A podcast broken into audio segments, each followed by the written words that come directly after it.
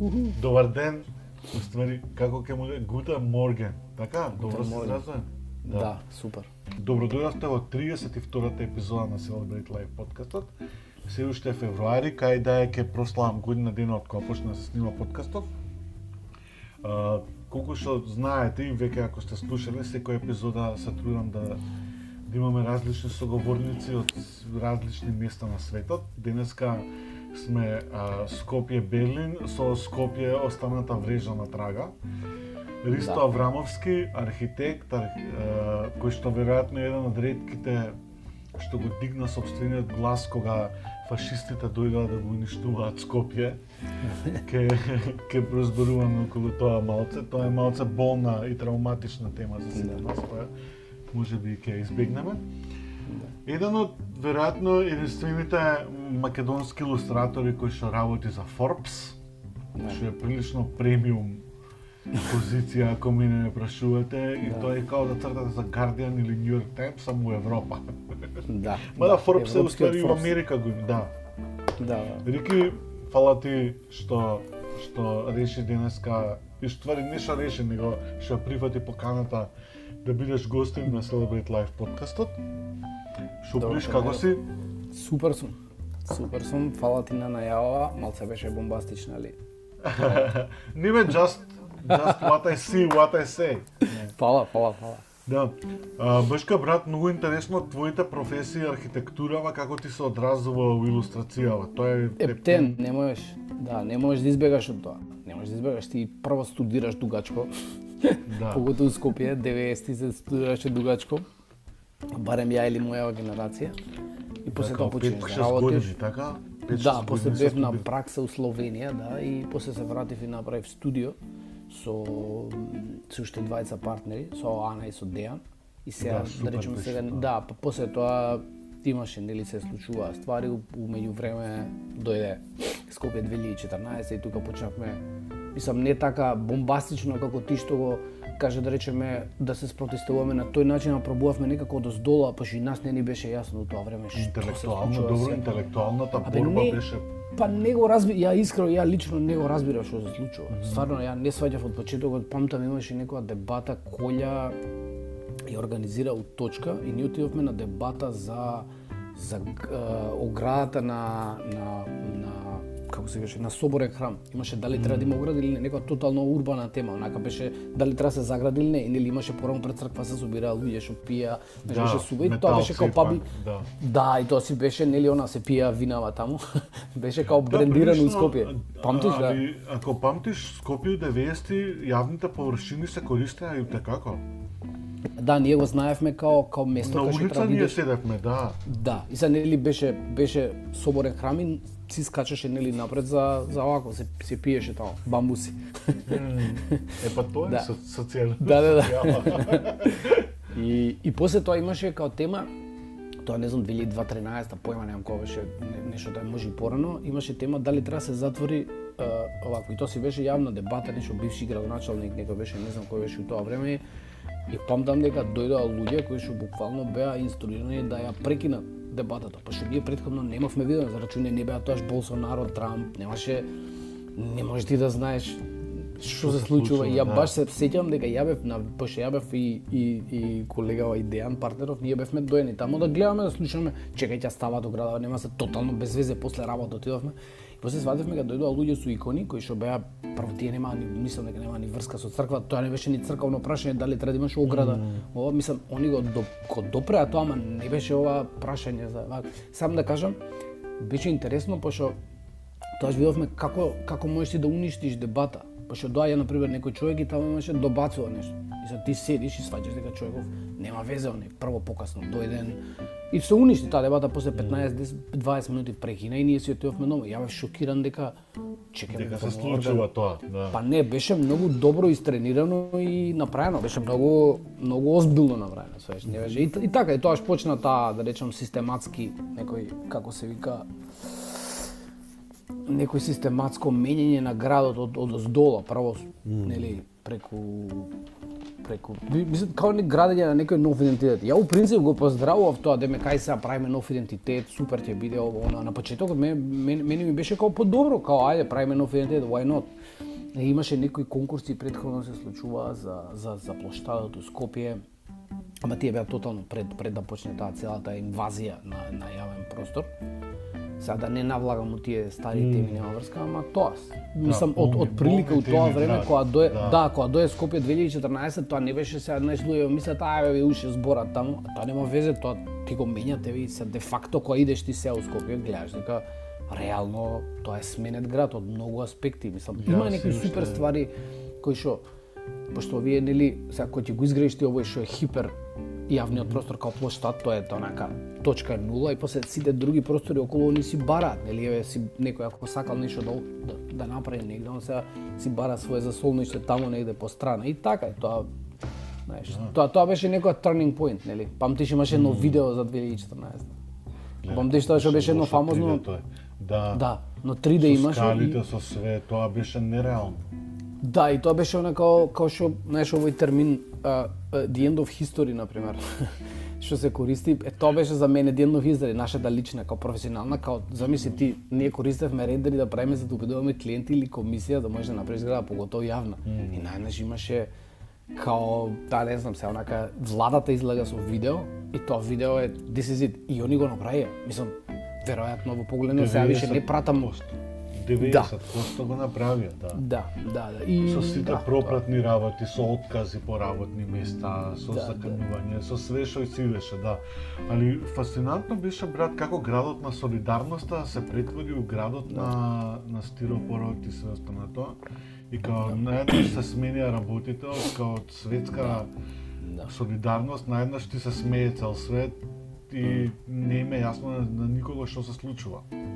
Мене, Мислам, мене, ние што да. тука бевме излудени, што не знаевме, него и надписите и све, артикл што излагаа тој период исто беше лично откачано. Да. Па мене тоа ми беше у принцип сега знам, не, не знам дали треба, не знам дали треба за ова да збориме у подкастов, али реално беше голема вако turning point што после тоа се пресликува на на како се вика на, на како како се гледаат луѓето сега во Скопје. Мислам, и ја ја не дека не сум од Скопје, него сакам да кажам не живеам во моментов таму, ама ако речам пак да живеам во Скопје, нема нема шанса ти да не се идентификуваш со твојата прво најблиска околина. Мене многу ми сметаше тоа што како некој од Скопје, кога ти наеднаш треба да смениш идентитет, што еви да кажам не е толку страшно, ама идентитетот беше така направен да ја треба да се срамам од тоа што сум, знаеш, сега Нели, да. као, абе, многу ни е ружен градов и сега ако може малце да го спастриме, ама у една година, знаеш, као, како тоа беше некако, као, прво не беше тоа тема, второ, тотално отиде у друга насока, нели, тоа со... Не од архитектонска смисла, него ти треба да се идентификуваш со нешто што ти не го разбираш прво. Еви да е кул тоа, а не е. Памтиш имаше коњи, идеше Џон Вилиамс, Star Wars, идеше саундтрак. Значи ти го гледаш Александар Македонски и ово, беше како некоја некој Нереално, брат. Од денешна Нереално. перспектива исто е нереално. Значи ја Не знам како денес гледате на тоа, пошто ти проаѓаш таму почесто од да, мене. Ја, ја не, не го избегнувам плаштата, али кога ќе се најдам таму, некаде се уште не ми се верува што се случува. Да, да, да. Уште е Unreal, ама ете. Затоа викам ова ќе остане една болна точка и траума веројатно за сите нас. Али let's turn to some better uh, Ајде, ајде. better topics. Да. Uh, Рики, пандемијава се случува, веројатно Да. ќе се случи уште година две како што тргнало. Вие неодамна живеете, последниве две години живеете у Берлин Да. и луѓето обично имаат перцепција за Берлин дека е све фана. Да, да, да. И дека, мислам да, од една страна така е, многу сериозни уметности, стартапи се случуваат, моментално е сериозен епицентар на сите случувања. Како се одвиваат работи во пандемија? Ова те прашувам затоа што некако подкастов ги правиме муабетиве со сите mm -hmm. соговорници, сакам да да го обележиме време во што све ни се случува, пошто малте не почнав да снимам подкаст кога пукна пандемијава Да. и баш онака антрополошки некој пристап. Како делува Берлин од таа перспектива? Па, ја можам да кажам за ова кратко време што сум тука, значи прво и основно Берлин, сите што што доаѓаат тука и туристички што живеат, знаат дека е направен од поише делови и дека он територијално е поприлично голем, да речам, сега не можам, не знам колку точно е голем да го споредам, да речеме со Лондон, не знам. Ама он има релативно малку број на жители во однос на територијата. Тоа го кажувам зашто а, реално ти кога ќе се кога ќе се позиционираш во некој твој као микрокосмос, тука ти многу ретко ги менуваш после другите, односно одиш по потреба или имаш ба. Тоа значи дека ти си многу локално а, се, немаш избор освен локално, нема еден голем центар, например, не реално кој ти видиш он е разрушен, центарот му е практично непостоечки, у таа смисла е тотално неинтересен, ти нема зошто би одел, и многу туристи кои доаѓаат, покото ја ги гледав визер, например, пријатели кои доаѓаа, ја им викав чисто френдли, абе викам нема што да сликаш, не ова Париз, не ова Будимпешта, не ова Виена, не е, знаеш, нема фенси центар кој што ти го сликаш, па после идете у ресторанчиња. Се зборувам за типичен. Да, така да, да. Која, мое, моето искуство тука од, од тој мој да речеме прилично а, мал круг во кој што Добро, се ама мислам можам дека е период, брат, кај што да на аклиматизација можеш да две, го две и пол. да.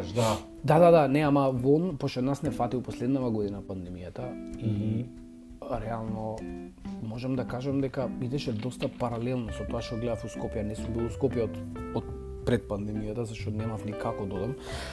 И второ не ни сакав додам затоа што мислев дека треба да се издржи тука и после, знаеш, кој ќе биде се окей да да можеме да идеме. Ама ја и кога зборев, мислам дека луѓето не ме сваќаа озбилно кога кога на пример ти на некој ќе му кажеш дека е многу слично, у смисла на тоа дека ние, ако сакаш цивилизацијски изборено, не, не, не пристапивме на пандемијата уопште сериозно, затоа што првите моменти беа дека ова, ова е грип, или знам, таму нешто на почетокот кога беше и воопшто Германија као држава не пристапи сериозно затоа што кога дојдоа првите случаи у Италија, ние бевме тука лавави, значи ја више бев у полупаника. Ја се враќав од Австрија и кога дојдов, више сфативме како паблик транспорт, нема да користам дека идам исклучио со точак, не дека не возев претходно, ама Да. тоа што жив точаков ми е број еден возило. И сакам да кажам, беше полека постепено луѓето прво имаа проблем на пример да носат маски. Значи, тоа беше првиот сигнал за мене дека нешто не е уред и дека дури еве Берлин е у принцип солидарен град, ама тие години вајда на хипериндивидуализација, таа солидарност ја имаат избуткано до ниво на нели прво прво на сите овие човекови права се заснива на тоа по мене барем на тоа да ти не гледаш со твој однос со туѓи ствари, него него секој може да прави што сака со себе, што е супер. Тој тип на демократизација е одличен, ама кога дојде пандемијава, а, поготоа на пример виш видиш по луѓе што се од Азија тука, они колку дисциплинирано и супер а, почнаа веднаш да реагираат, значи да се солидаризираат, да стават маски. Имаш и имаш и да речеме доста комши кои што се нуде уште на почеток на пандемијата кај мене зграда одма да носат, не знам, а, да носат храна на луѓе и се тоа, ама генерално како као нација, ако сакаш, као општество, не се справивме нешто бог знае како, иако Германија имаше супер бројки на почеток и беше дека вау, многу добро се справа. Мене тоа ми беше чудно, пошто ја не гледав разлика од Скопје до тука. Дури мислам дека Скопје имаше и по хардкор локдаун. Да, мислам, ние си го фино еден Да. период. Е сега кај нас е на пример, сега до прва ќе пушта, да речеме, сега. Зборам во наредниве месец дена ќе треба да се олабави и тоа под одредени мерки. Мислам, тоа е Да, реално знаеш, што- системот. знаеш, да, само што ми е мене поразително у целава ситуација, мислам системите се справуваат како се Да, справуваат. да, да. Но себичноста на луѓево, некако, иста е себичноста, у Берлин, а у Њујорк, у Да. Скопје. Тоа што бе брат, не се групирајте, не се, не знам, џабе, мислам као, знаеш, Да, Тоа ми е малце поразително као човечки фейлер. Знаеш, од една страна романтизирам дека ќе се менја светов, да, дека од друга страна. дека стварно има и супер промени, као луѓето возат точаци, некако работат на себе. Знаеш, пак онака тоа може би се површни информации, извештаите кажуваат за пораст на семени насилства и на све. Да, да, да, да, да. На самоубиство и све, али знаеш, од една страна ова е баш human check. Да. Тоа малце ме разочаруваше, знаеш, ние како човештвото толку да фелнуваме е поразително. Па не знам ја дали као човештво или, ни- или као ние пак некој дел од западнава цивилизација, сега не, не можам да кажам Не знам, ние од да, Скопје од на, на кај да. кај идеме, али ние као западна цивилизација дефинитивно удривме увакво, пошто таа микродемократија што е за да речеме, не знам, треба 17 луѓе да одлучат за дали треба да се фрлат ѓубрето ваму и таму и оно на крајот ќе се одлучи ќе биде супер, ама тоа трае и сега ти кој имаш пандемија, ти то, тоа време на одлучување, ако не е, прво нема солидарност, они рачунај дека во Италија која избувна на почеток, и на таму на Алпи на овие ски резортите, они немаше не отидоа сите држави да да да бомбардираат со своите mm. со својата помош таму па да може да го угасат тоа него Европа беше као разедината знаеш она буквално така да ти знаеш дека Берлин ќе дое неминовно е јас знам луѓе што патуваа до Милано и назад у моментот кога Милано почна да гори така да mm. Ако го споредам се со Вухан гледав на Deutsche Welle гледав онака репортажа што беше направена дека луѓето прво носат пак маски, а немаат случаи од мај. Тоа ти кажува за разината на на која а ние сме тука у хард локдаун, сите сме на пример психолошки више изморени за тоа што реално мене бар лично ме скрши тоа кога дознав дека е, дека нема да има вакцини. Мислам ја се држев до моментот додека има да. За кој ќе почне вакцинацијата да оди брзо, да оди да оди тоа некако, мислам брзо, да организирано, ти кога свативме дека тоа нема да е така и дека не ќе уште една година, ја тука пукна, знаеш, пошто тоа реално мислам да, hard times, hard times. Hard times, да. Мислам нема врска, ама ама Берлин веројатно да. ќе најде некоја нова солидарност mm. која што треба да најде брзо. Ја во моментов не ја гледам затоа што не била проектирана за така да се солидаризираат луѓето. Они се солидаризираат за теми, на пример имаше било која глобална тема, ја гледаш тука дека се солидаризираат. Одма, значи се собираат многу голем број на луѓе затоа што многу е лесно затоа што ни повеќето да луѓе веруваат у слични ствари, ама се случи друг феномен, а тоа е дека луѓето од другиве места во, во Германија, као, знаеш, као супатуваат кон главниот град да протестираат да против маски. Да, Зад... тоа беше лудо, а Текно, да, за... протести дека да. имаше да... да, имаш и тоа, имаш се, они доаѓаат и почињаат да протестираат. Ти се ти најнаш гледаш Берлин дека тој не е само град на овие луѓе што тебе ти се блиски, него тоа е град на сите и он мора да ги издржи. И оние реално сега да речеме да беше друг тип на уредување општествено не може нема да дозволеа протести генерално за никого, ама пошто не можат, знаеш, ќе има проблема ако ти му забраниш да протестира, а бројките викаат дека дека случаите отидоа многу нагоре. Да. Па не има они, знаеш, има онака. Имаше имаше доста заебанци околу тоа и така да мислам дека Мислам дека не знам што да кажам, у моментов мене така ми личи малце, знаеш, прво се разочаруваш генерално као као мислиш дека дека ќе има подобар одговор, ама не можем да кажам Берлин посебно, да речеме, не знам, од, од Лондон или од Милано или од whatever. Не, срањето утри јако сеглек. Мислам, да, Америка, Америка има, Америка е нека многу смртни случаи има и тен. Мене, и одредена ароганција. Одредена да, ароганција има. А, ние прво имаше летоска многу пати они се исмеваа на пример тука на Америка, што беше факт Америка газеше со бројки и таму идеше лудачки скроз. Беше тој со Трамп, он ги палеше исто за, за, за да речеме некој друг тип на политички агенди, ама како и да е, ние ги, стиг, ги престигнавме со бројки се и немаме, мислам, абер, немаме така да... Да, не знам зашто им се смеевме на сите. Исто е страњето е сегде брат. Пандемијава истото. И не гледам истото... како Македонија и не не знам може ја грешам, може не сум таму, ама ја не гледам како Македонија е полоша од од од да речеме републики некои во Германија.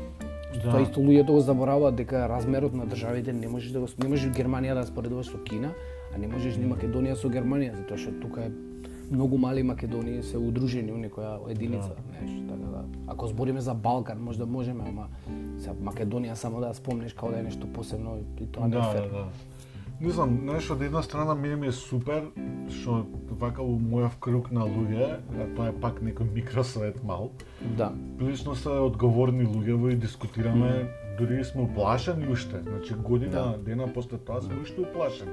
Mm. И као да, тоа ни е топик и го споруваме да. секој гледање со малкуте луѓе што ги гледаш. Да. Надвор, сва срека што имаме бекграунд кога сме седеле на улица, па не ни штети се толку многу седење во улица да, да, да, и се останато. Али да, али прилично гледам дека Berlin Social Life без разлика што не работат клубови, луѓето се по паркови, се, да, се да. дружат, Мада Јавните простори стрит, да, стрит културата секогаш била таму присутна, не е дека тоа е од сега. Да, да. Користењето на јавниот простор е општо добро, така да не да, тука да, да. апсолутно. Знаеш зашто те прашувам ова? Вие многу давно имавте на многу добар проект Скопје расте. Mm -hmm. И некако ги предвидовте работиве пред време. Да. И И како како ти изгледа тоа од денешна перспектива? Као знам дека беше пред 10-15 години, Да. али тоа беше прилично интересен проект. 10. Како ти делува вака Скопје од професионален професионална перспектива во однос на тој проект? Бидејќи денеска сме сведоци како нема повеќе јавни простори, Да. како све повеќе и повеќе дрвја се касапат. Мгм, мгм. дека кога зборуваш за животна средина, одма си таргетиран, те напаѓаат луѓе и све останато. Личниот интерес секако е побитен и муабетите да се обезбедам станче за иднината и све останато. Значи да, Да. пак себичноста не покорува, уосталом тоа е, мора да се градат и нови живеалишта, затоа што луѓе немаат и кај да живеат. Да. Да. И тоа е тоа. Како Ако- тоа ти делува? Мислам, не знам дали добро го пост... го го Да, да. постави прашањево.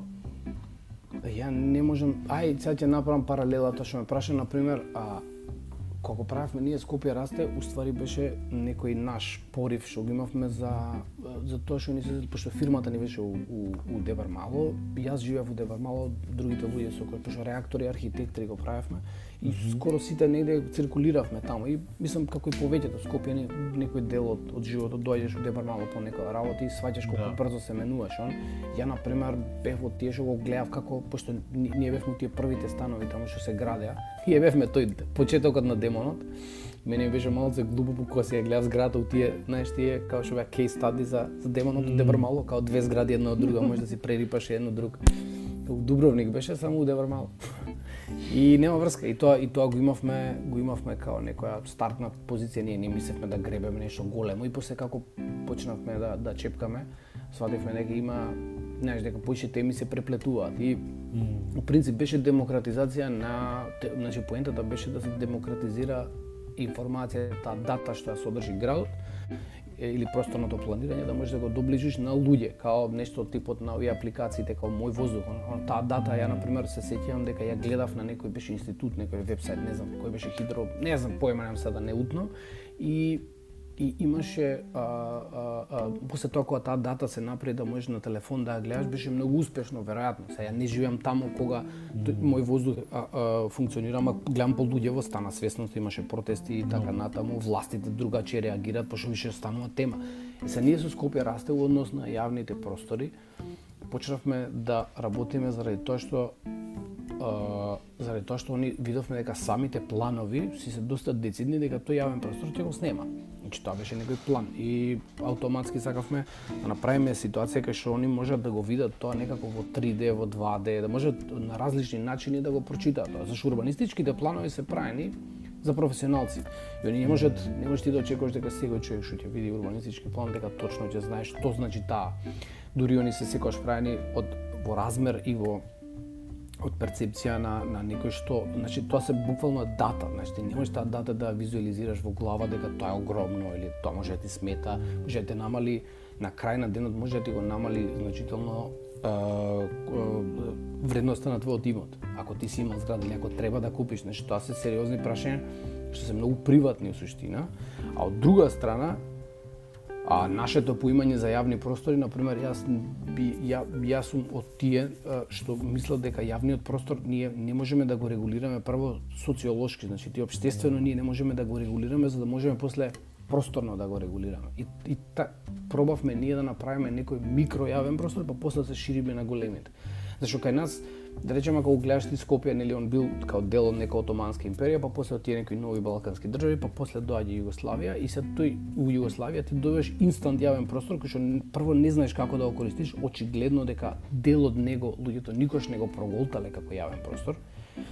Нели, они ние припаѓаме ако сакаш цивилизацијски негде на спектарот на ако да речеме тука во Берлин имаш ти максимум користење на јавен простор, а дома може да ти биде било како. Значи се става некој акцент на на јавниот простор во смисла на тоа дека ти добиваш од него. Тоа е као додадена вредност на твојот стан, речеме, ако твојот стан е во супер мало, има има супер паркови, тоа е дел на, на ако сакаш и на чинењето на квадрат на твојот стан.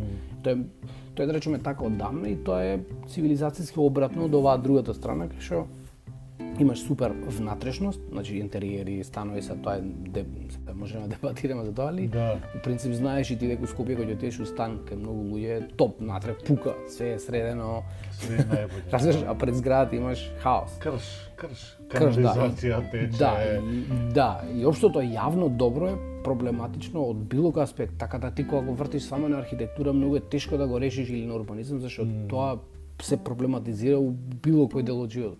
И ние у принцип у Скопје расе само сакавме да почнеме да гребкаме по, по тоа, да ја дури и бидел до тамо да, да треба да се понуди нов модел на некоја, сега вака го лупам, ама некој нов хибриден модел на јавен простор кој што нема да биде северњачки у наводници стајано и, и нема да биде тотално хаотичен, за да може некако полека со baby steps да стигнеш до некој јавен простор што е автохтон, што е оригинален, затоа што сваќаш ти дека таа глобализација уствари на идеи окей, ама ти не можеш да ги цело време вон контекст да ги аплицираш, било од негде го земаш и го ставаш, тоа не работи така. Мислам, еве ја да сум грешка, но гледа самото време покажува дека не работи.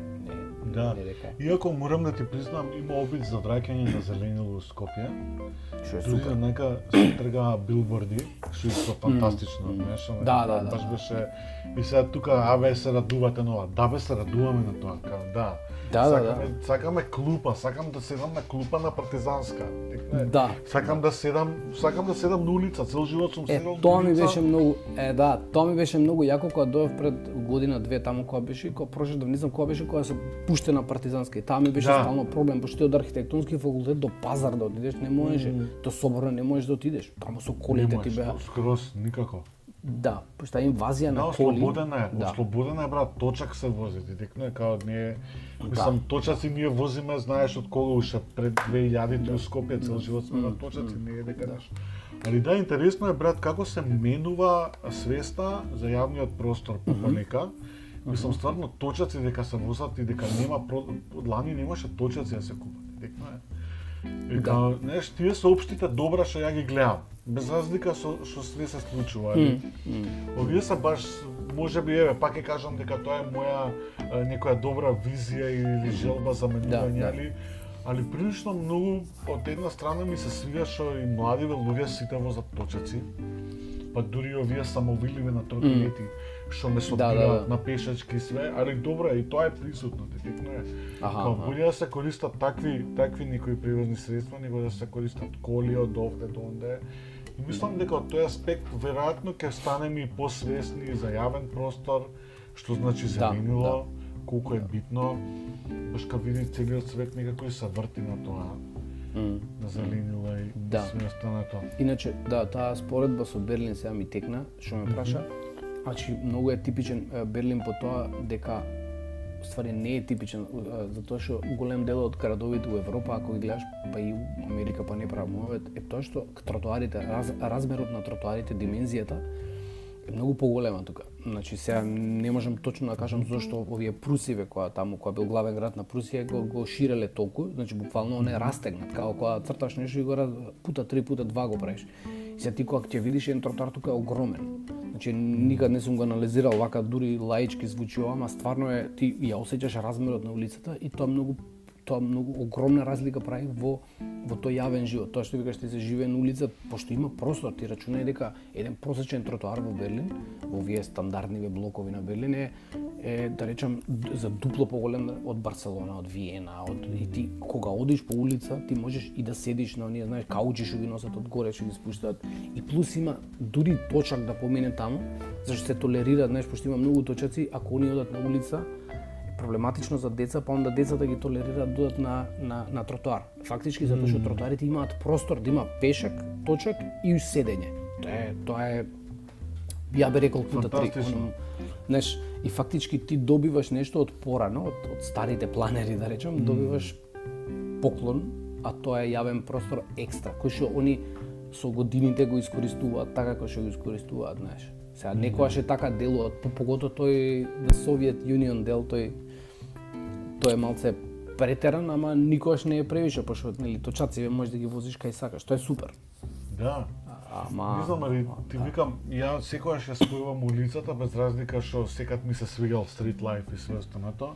Него мене тоа ми инспирирало бе цел живот. Ја дури у средно урбанизам ми беше мене омилен предмет. Е Аха, И тој тоа е тој моментот што мислам дека значењето на јавниот простор е нешто што мора да работиме. Иначе Скопје расте до МК дечки е се уште достапен, можете да влезете на сајтот, ја ја у моментот проверувам. Исто така знам проверете кога ги архитектри, архитектри МК за да видите што да, работел, да. што работел Рики, чисто за да ви Да, стане да. појасна тема, а поготово вие помладите што сте родени у 95-та и понатаму.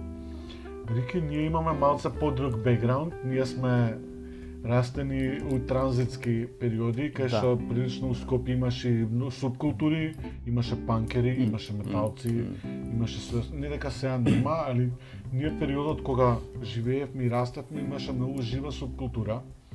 Да. У моментов да знаеш дека се случува некое ново будење, тоа е микро левелс, али Да, да, моментов се случува некое ново будење, така да чисто да ти веројатно пратиш све тоа што се Да. дешава. Сега пратам, да. Али да, али интересно е брат што као после толку децении се раѓаат некои нови клинци Да. и мислам дека Скопје нека добива некоја друга нова димензија што е навистина супер. Мислам дека повторам тоа е некој Да, мал да. мал левел на на луѓе, али као пак луѓе во седат на улица, пак се се дружат.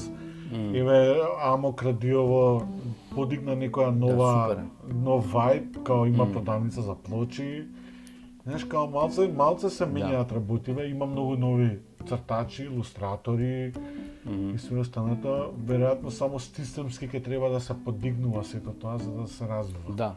Па ја мислам дека да, ова сега као као стейтмент е прашање, али да, скоро се слагам, пошто реално тоа што викаш порано како како било да, у принцип ние нели требаше да се идентификуваме со музиката, нели ти припаѓаш на таа група на луѓе според музикава што ја слушаш и тоа беше таа мораш да избереш. Значи, Малце беше глупо тоа, ја не го сакав зашто никогаш не можев едно да кажам.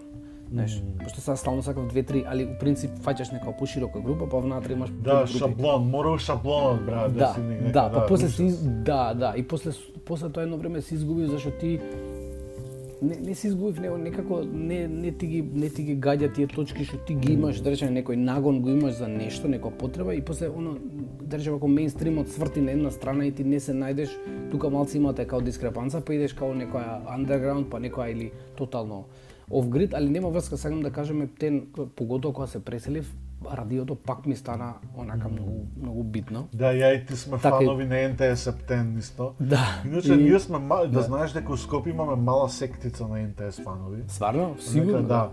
Пет Па да не? онакви ултра, фанови сме на Да. НТС, така да да знаеш дека стериозно игра радиото улога у сите нас. Е, па мене многу ми беше јако затоа што реално ти кога си негде сам и кога не знам, има на работиш буквално или возиш точак или нешто, тоа ти е основен медиум кој што ти оперираш. И мене ми се звиеше радио како најпримитивен медиум, реално преживува у време на, на, на, на тотална, не знам, интернет, whatever. И а, што сега да кажам, да, и И реално после тоа кога го слушнав ова Амок радио, не знам како ми искочи, дали алгоритмов мене ме најде или ја го најдов, ама валја валја ептен рано сум го фатил или преку тебе го видов, не знам како. Можно е брат, на интернет се следиме, се пратиме, да. Да, и кога го видов тој си викам, и ама е јако ова и почнав да го слушам цело време, прекинав да слушам NTS, да речеме недела дена и само ги пуштав тие што знам дека немаше доволно квантитет од почеток, пошто они не можат да попунат програма. Јасно ми е знаеш од почеток све, али сега гледам дека расте тоа од ден на ден многу. Што ми се свија дека има таков залет и тоа што многу ми се свиеше дека е локално. Значи, не локално, пошто стварно е позиционирано од Скопје, него него дека дека Ептен имаше таков ослободувачки некој елемент.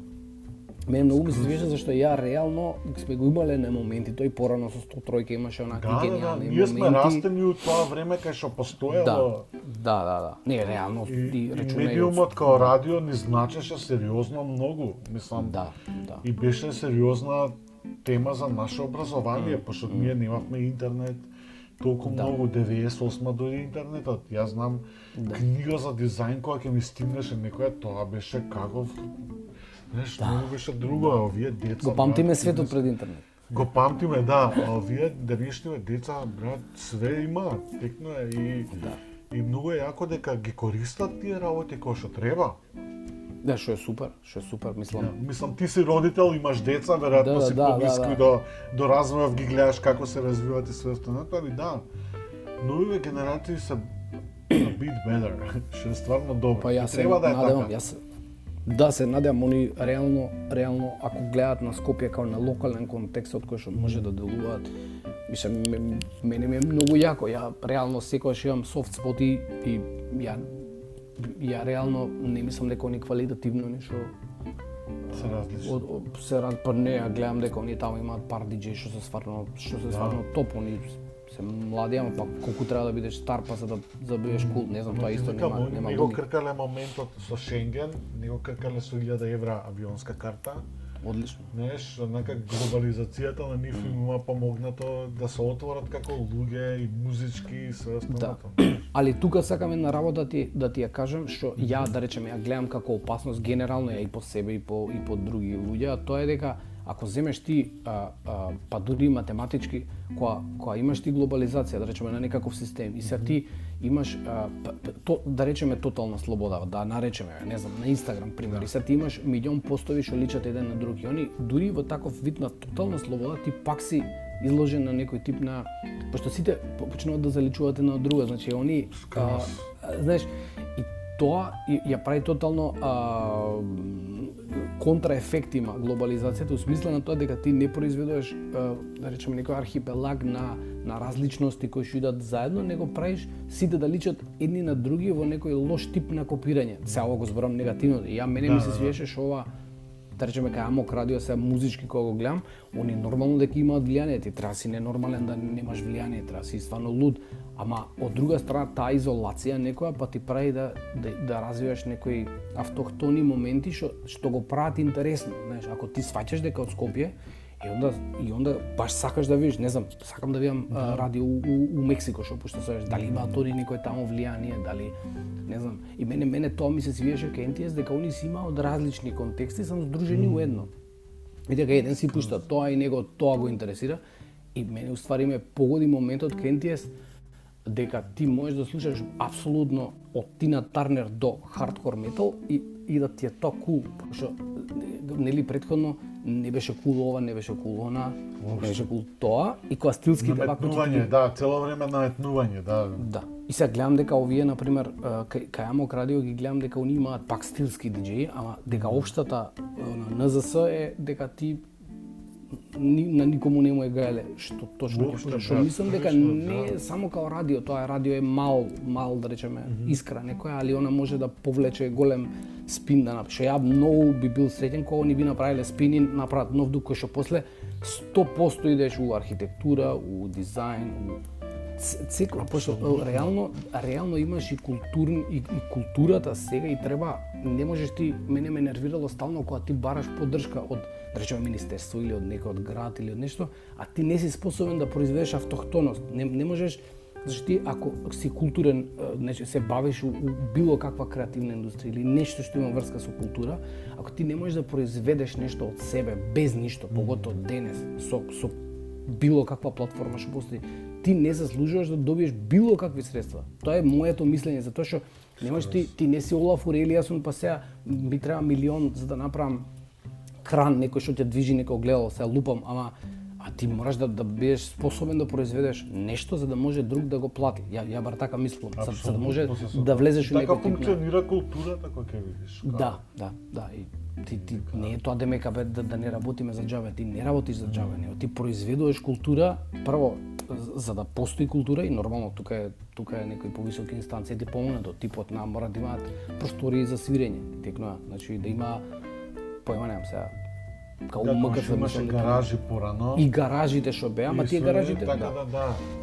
Имаше у Будимпешта, на пример, имаше супер пример у Будимпешта, имаше една стара зграда, грозна многу, ама натре не можеле изгледа нешто да решат со тоа или не знам кој беше собственик, им ги дадоа сите простори да свират натре. Као што беше кај Телма таму, имаше Да, нели? Телма телевизија, Бикс у Белград, па дури Да. Рок Лјубљана, што им ја срушија сега Да. на Метелкова.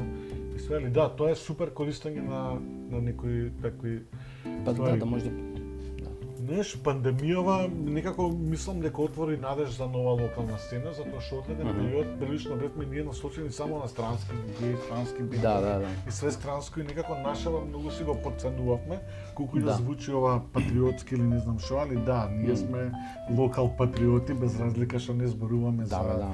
за национализам и све останато, али као ние сме продукт на Скопје и ја мислам дека цел живот тоа ме вдвижи нешто. Тоа што ми се случило како клинец, тоа ме инспирирало за за да понатаму продолжам да го работам. И затоа Да. мислам дека се деца во многу добра позиција дека можат да создадат нешто.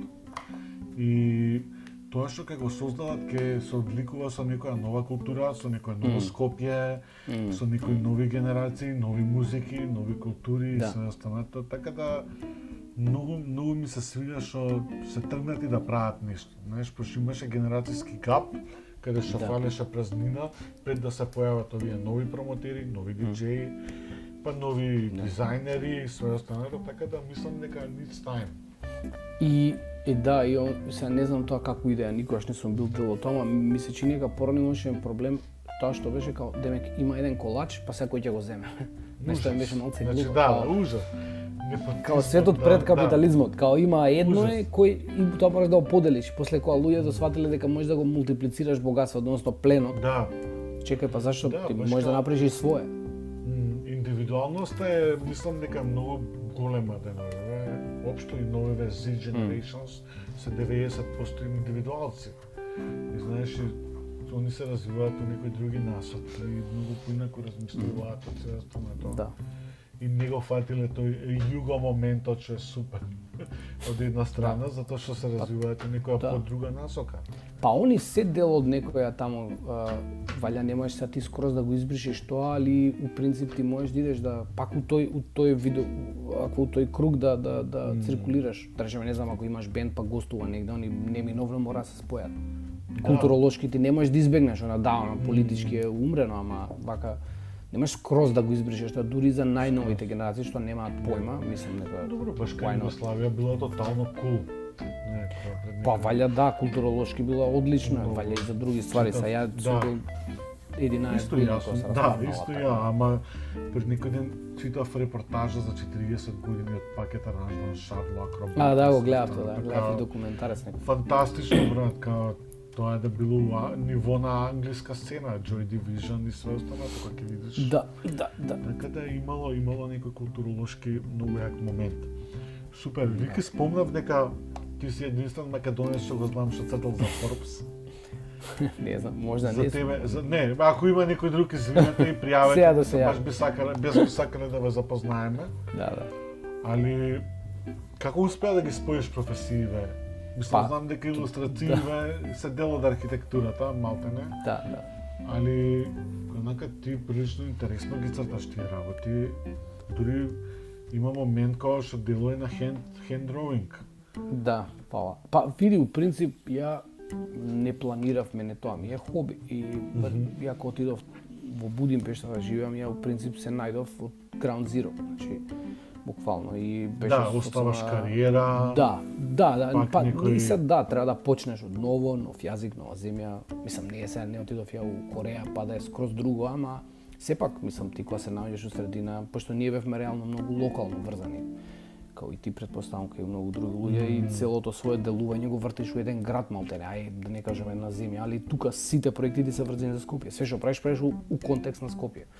Да. И наредно се бегаш од тоа и ти као правиш пауза тоа, ти уствари не можеш да направиш пауза, ама си викаш дека правиш пауза и у тој у тој да речеме вакуум случајно се запознав со со тој што беше арт директор тогаш и почнавме да знаеш тоа беше Forbes а, Forbes Унгарија и они они се као дел од таа аква франшиза и таму почнав да правам прво прво као срамежливо по една две ствари, после нагло тргна тоа и почнав да го гледам као као тој па ова може да работи. Ја прво не знаев, ја мислев е као еј кул For fun. излет. Да. Па прво беше излет и после стана по вакво, па после почнав да работам за Forbes е, Чешка, пошто имав е, до, до пред некој време имав еден агент кој што агентка која што се бавеше со со наоѓање вакво, али тоа после сватив дека е многу тежок финансиски модел ти да живееш од од Да, илустрација јас само како таква, а и многу пари ми има зимано агентот, онака. Да, да, и да, као, реално не беше некој успех. Да. И после кога дојав у Берлин, правев муавет на пример со некои што се такви што ја ги сметав за world class, мислам они де факто се и они нешто кога го кога го објасни тоа, по принцип тоа и не е професија сама по себе, пошто ти ако земеш сега од архитектура како како нека огромна стара професија и одиш во илустрација која што исто така стара, ама овој тип на илустрирање денес е буквално сведен на на некој сервис вклучен во некои други сервиси. Така да он, вака изолирано као професија не може да постои, барем не кај мене. И кога, кога, кога збориш со тие, например, не знам, као Криштоф Ниман, се, он, он слу- случајно се погоди да него студиото му е, му е кај што А, живеев да? ја порано. Вау, јако. И еднаш ки имаше некоја како прослава и влегов внатре, да видам, онака бев со деца од школа сида и влеговме внатре. И онака, знаеш, он има такви хепи, домишлјати, она типично германска илустрација, кај што идејата е прва, па после цртежот треба да е многу симпл. да. Да, и баш го прашав и он ми каже, еј, да, знаеш, као супер, татко ми е, а, татко му бил, мислам дека градежен инженер, кажа, не архитект. И он стално сакал, ствари да биде архитект, али останал на илустрација. Он кажеше дека таму збореше, мислам дека у тој Netflix филмот истото го збореше дека со дедлајните он бил и ми рече као батали тоа со агенти, као не, тоа као нема везе агенти, а до него е најголемата бр- па и германска агенција за илустратори, која што е многу тешко да влезе човек, разбираш до него буквално. Они, они делат простор, вика немој, немој, тоа со агенти. Као можеш сам да си тераш, као ако имаш среќа, као у секој случај нема као, не, не можеш да направиш многу пари од ова, нема ни ова, али е кул. Имам, ја 20 има- години работам дизајн, можам да кажам дека тоа е тоа. Па не знам се, Да. мислам ова се многу паушални вака observations, али Баш кога он- ние работиме друг Да. тип на илустрација и тоа е... Да, да, да, тоа, да. тоа рачуна е дека и станува и, и ама поготово ми се свија што сега, пошто сега работам поише анимација и ми се свија тоа што да речеме во во пандемијава ти баш си мислев пред некој ден може стварно глупо ова поготово за на подкаст да го кажам, си викам како ќе снимаат филм бе како ќе снимаат нови серии. Не знам, Ти за може некој негде го кажал или ова сам со себе сум си го зборил, си викам добро бе, па овие изгледа треба да ги пренасочат пари на анимација, па што како Да. сега? Нема другачие како. Како ќе снимаат цело време така? Како ќе снимаат филмови? Ја тоа, па не знам бе се снимаали филмови период, не. Ја мислам дека Појма не, ништо ја не се снимаше. И сега тие што беа као Дюн, некои такви одложени, Да, таму. не, мислам дека малце се стрија тиде све. Да, и пошто да, и пошто ја реално илустрацијата не ја гледав као као никош не ја гледав као да биде убаво нацртана. Мислам се трудев да има графички да биде комплетна, ама ја први немав свој стил, ја не можев да најдам свој стил тоа што викаш хендрон, ја ги цртав прво рачно, па после отидов на дигитално, па се вратив на па пак на дигитално. У суштина ја пробував да направам нешто као као кинеско писмо, сега барем натаму пробувам да отидам, првите илустрации нема везе со тоа, али пробав да да пробувам сега да направам да биде што попроста и да биде као као као пиктограми, у смисла на тоа дека они мора да содржат информација, мора да содржат нарација и да стигнат тамо кај што треба. А тоа како изгледаат они воопште не треба сега да биде, знаеш, као као најбитно. Па така пробував, да речеме, не знам, правев детска книга со Ника Гавровска, таа една книга се вика Бел. Правев такви правев излети да речеме. Ја не не мислев дека можам детска книга да направам, она да не беше ја немаше уопште ни да почнам со тоа. Али сватив дека има дека добро е као експеримент да го да го направи човек, добро е. Све, све вреди да се проба, да. Како не, мислам тоа беше супер експеримент и долго траеше и, и, и тоа ми беше прво искуство у- у издаваштво. Ние претходно сме правеле ствари само за архитектура поврзани, никош никош вака, знаеш, вака. И така, тоа сега да речеме Да. Ја имам потреба да си ги менјам професиите на неколку години. Пошто ми станува досадно. Нека- е па да. И така да скроз те разбирам што збориш. Али да, имам да- као креативци секогаш имаме потреба да да правиме нешто ново. Па да, ја никош уствари не, ја да речеме и продолжив да правам интериери, да речеме во Будимпешта, во Берлин не, ама мислам дека никош не отидов од, од архитектура. Ја се уште читам за тоа правам, мислам не сум Добро, е активен ја- као архитект. Животот не е, да. Па да, тоа кога ќе го студираш тоа многу е тешко да излезеш од тоа скроз. Се знам и други илустратори, да речеме, има некои што што сум ги видел кои што работат вакво, ама не е тоа, знаеш, тебе ти дава тоа бекграунд и, и ти дава предност од тоа што го правиш, ама ти никогаш не можеш скроз да излезеш од тоа.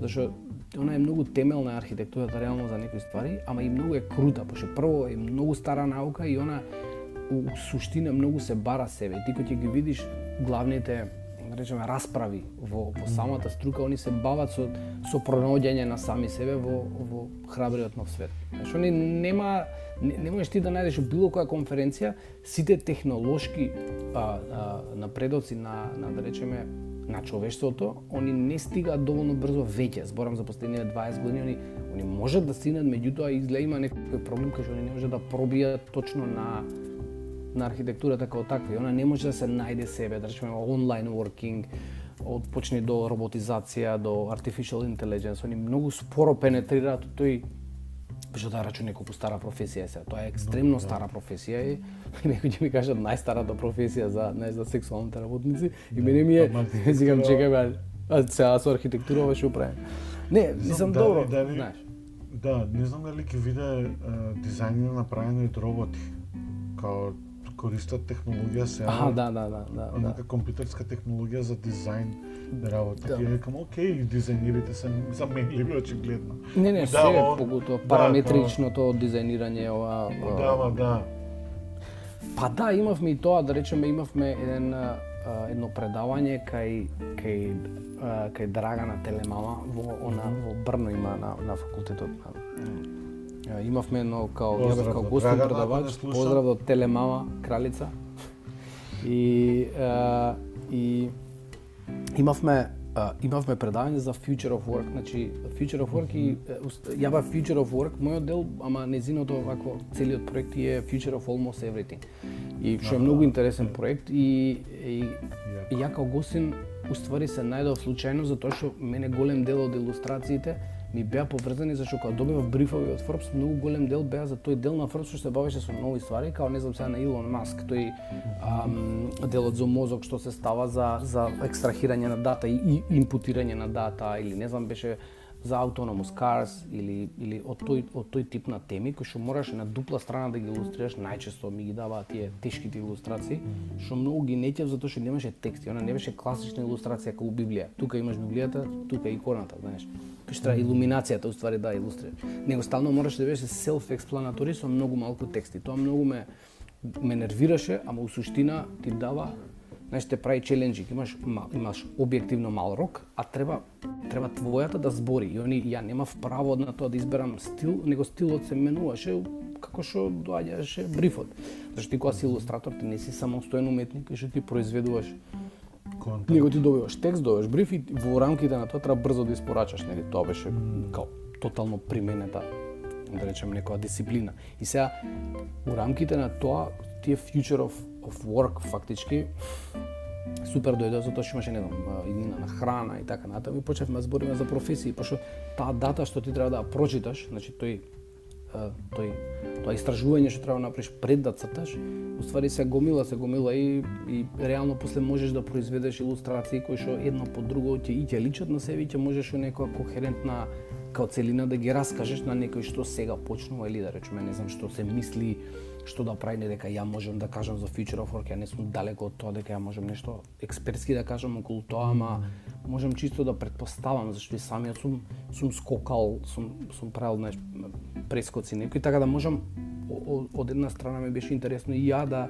да да направам некое како се вика рефлексија од на на на тоа, на иднината. И сега многу интересно зашто порано луѓето, знаеш, они кога размислувале за иднината, кога ги правеле работите, ги правеле да траат, така како ти видиш Да. не знам, стар Рим, они морале да направат, не знам, го правиш Колосеумов и ти се надеваш дека он ќе трае вечно и тоа е прилично точно, пошто уште стои дел од тоа таму.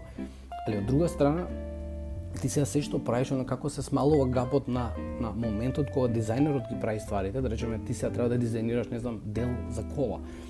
Тој дел може многу лесно да стане обзолит по два месеца затоа што може да излезе ново, може да излезе памтиш оние што беа некои USB-а, па нешто Blu-ray што имавме, да тие стана непотребни Да. додека да влезат на пазарот више готово им пројде време. Готово, Така да тебе Вишка, денеска немаме ни цели ромови дома, више, кој ќе. Па Така нема да, да.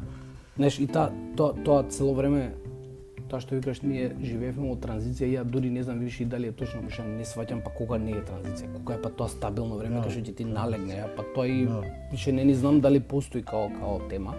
али окей, Да, да, да, скроз. разбираш и се така така некако ми беше интересно затоа што ја ја практично моите прашања и дилеми само ги ставив у, у некој PDF.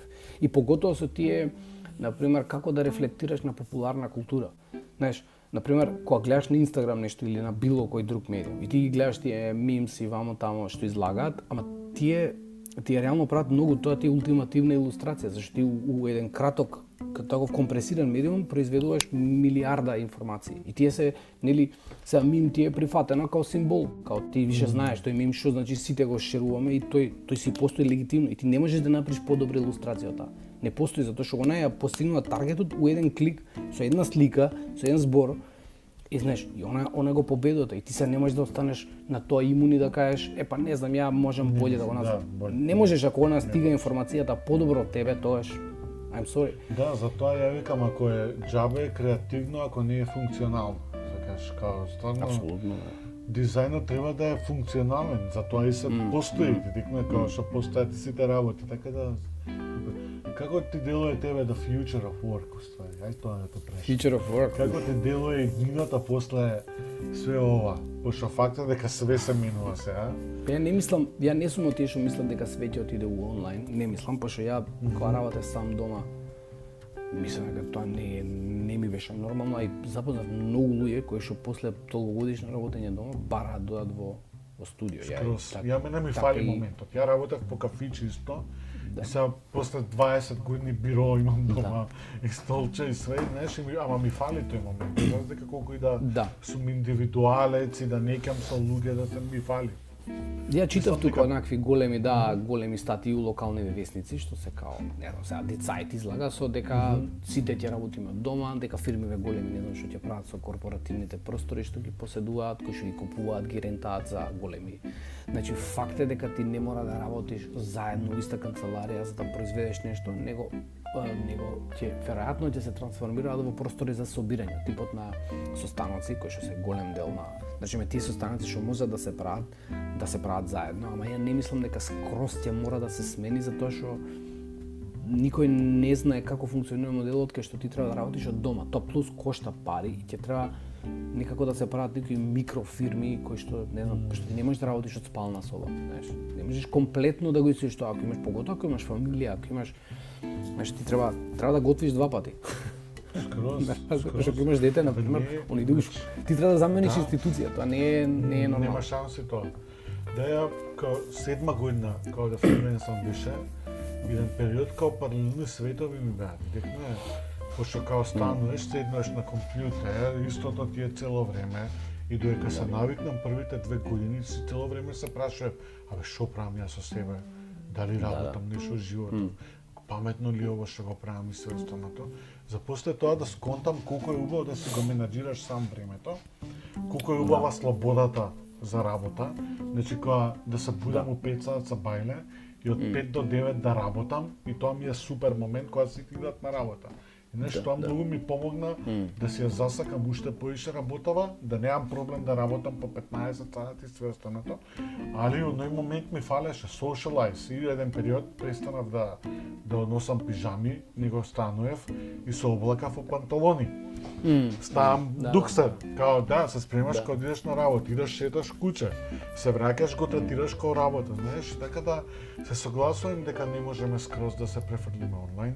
Ама има и супер моменти нови. Од типот на homeschooling има многу јас гледам овдека на пример дека многу многу деца идат хубаво, идат онлайн Сега homeschooling.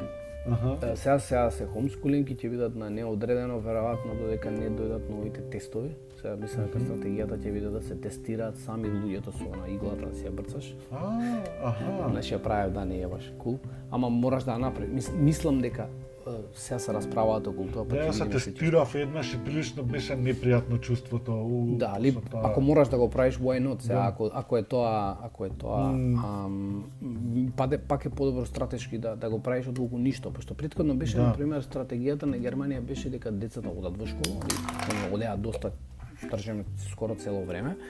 Ама има има некои истражување дека мора да отвараат прозор на 20 минути. Стварно, Барем да, се да. појави една илустрација исто.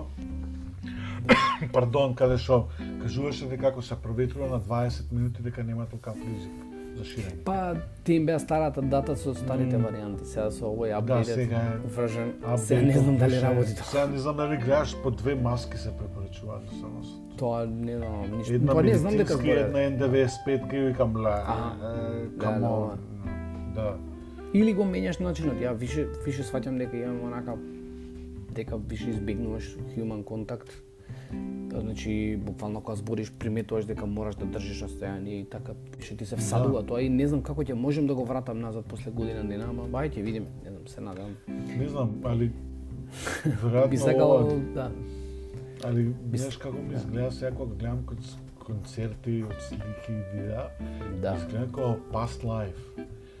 Како тотално малце нереално. Али рачунај од друга страна, пошто ја мислам дека нема да има таков еден момент кај што ќе експлодира, него ќе биде тоа постепено, ама мислам дека ќе биде супер онака како ќе, да речеме, не знам, дали ова лето, дали следното, дали некој некој момент кај што ќе се отворат ствари, вidi изгледа како у 80-ти она кој ќе завршеше филм и шпицава скоро. иде и која сите Да. која денса. Ама не супер, дека така ќе биде. ќе не направи посретни, ја тоа викам, ако некад серам колку е срање да се искачу у Скопје, да ме подсекате дека живеевме у пандемија и дека се немавме видено како луѓе асално, али не знам нели виде примавера ќе прават фестивал, али со ковид тестови. Као карта имаш Тоа е откачено. Ка, Па да, тоа и е, се, да. не, не, не сконтав дали се дали се Или со прележано. тестови, или со прележано, прележано. како да. Али као видов дека примавера не јави тоа, Гластанбери се откажа, да не ти се верува. Што мислев дека и они ќе направат, ами не се знае, може пак ќе го прават. Али да ми беше чудно што Гластанбери се откажува. И све. Па да, мислам дека нема да може да го контролира така да. Да, превише. А реки креативно што преш периодов, што те инспирира? Периодов. Пошто ја, на пример, мене пандемија многу добро ми делува креативно. Се трудам Така. секој ден да си ги скажувам емоциите, да цртам на дневна база илустрации. Некако добро ми делува ова. Па јас. Па, не знам, ја под почетокот ми беше добро, па после беше онака лошо. Да, као и сите. Да, тоа се датира, да. Па, па не знам, не, мислев дека побрзо ќе оди реално, пошто јас почнав со анимација и и мислев дека многу побрзо ќе ми оди таа, значи тие проекти што ги имав зацртано дека морам да ги завршам, мислев дека многу побрзо ќе ги завршам, ама очигледно не е така затоа што у пандемијата барем ја тоа го, знаеш, кога ти мораш да замениш некои институции, пошто институциите се затварат и ти као родител треба да ги замениш. Да. Ти треба да си и татко, треба да си и учител, треба И да си учител, и домашно да пишуваш, и све. Да, да, и onda свативме и тука кога збориш со други луѓе, сваќаш дека не си сам прво, мислев дека само ние сме полудени, после сваќаш дека Не, листото хаос сме сите. да, се додека не излезе Меркел да ни објасни дека стрпете се малце. Знам како ви е. И сваќаш дека е глобален проблем, малце ти олеснува, али малце. Малце. Да. И- Проблемите се тие, не Да. можеш да ги избегнеш.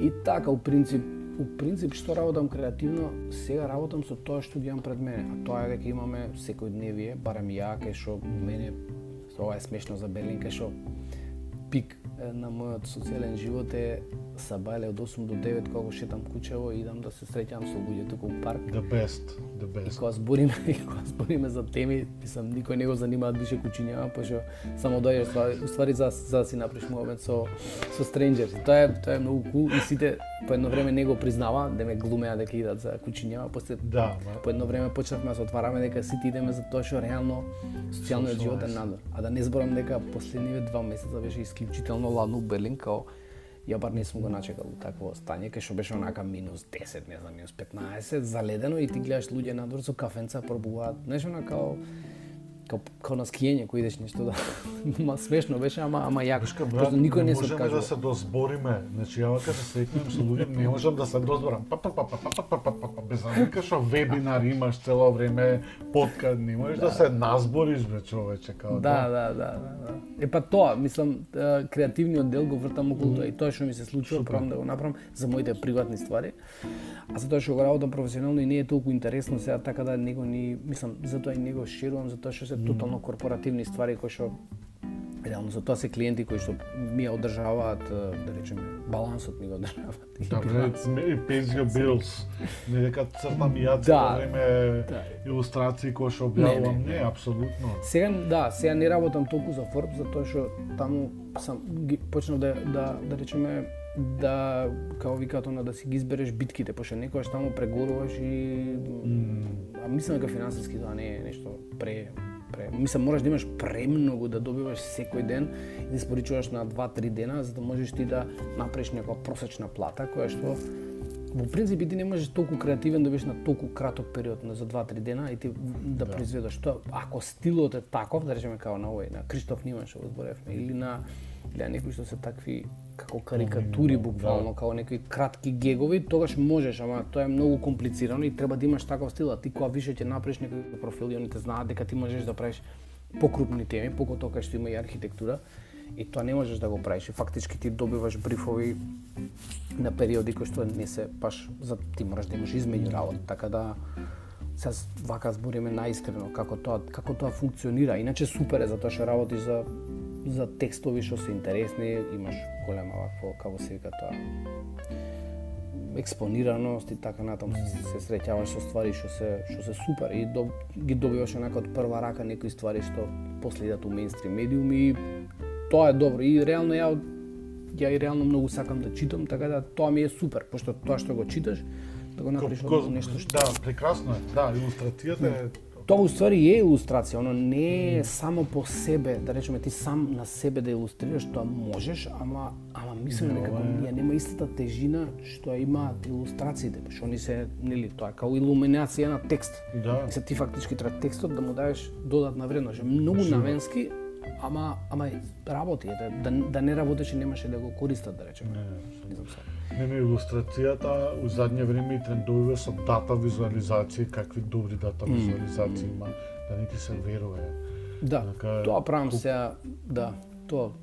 Најчесто правам ствари се што се поврзани само со мене, да речеме за за пошто само тоа го правиш, идеш со ра, пред пред да биде овој локдаун, буквално денот ми беше јавно е шточек, идеш на работа, у студио, таму црташ, се враќаш и пак е истото и немаш ти не можеш да излезеш на вечер у кафич, не можеш немаш било каде да излезеш, ако испиеш пиво на некоја тераса или у парк, тоа е тоа и И сега, знаеш, обично ти треба да се бајаш со стварите што ти се случуваат. Ја пробувам да направам тоа глупо секојдневие.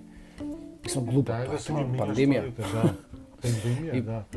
Ма не е супер. Шетај куќа, брат, најболе. Ја тоа Да. цело време повторувам за овие 11 години колку шетирам куќево, сум запознал толку многу фини луѓе. Да, 11 години дедо покој. Дедо.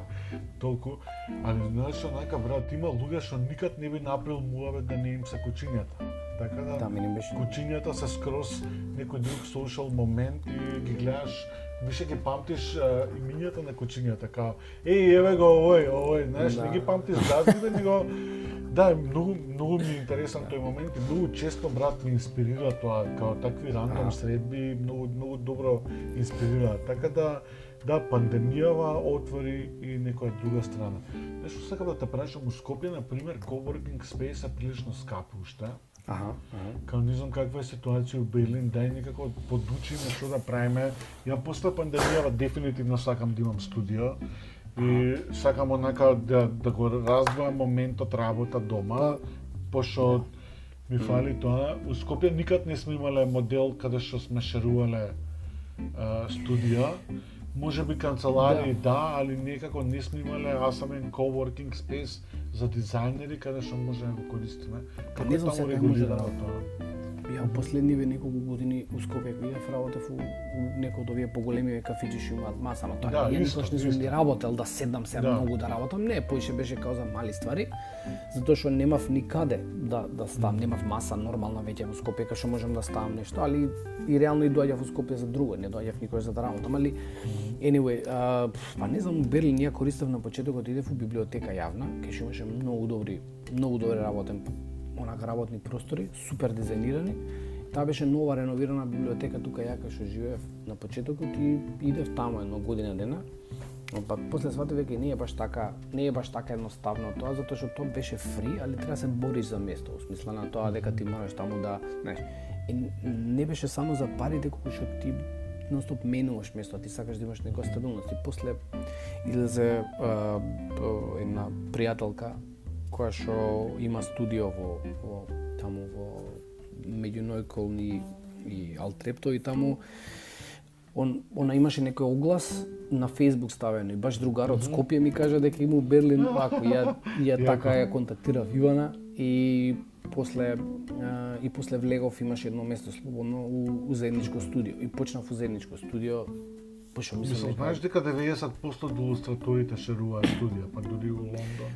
Па не знаев било да ти кажам, пред ова не знаев, ама после сватив, кога почнав да барам ја простор, сватив дека не знам, ние сме две илустраторки, бараме трет човек од слична индустрија да се приднаеш онака класично. У принцип се простори кои што се рентаат, не знам уште колку долго ќе може да се рентаат овие што се нормални простори.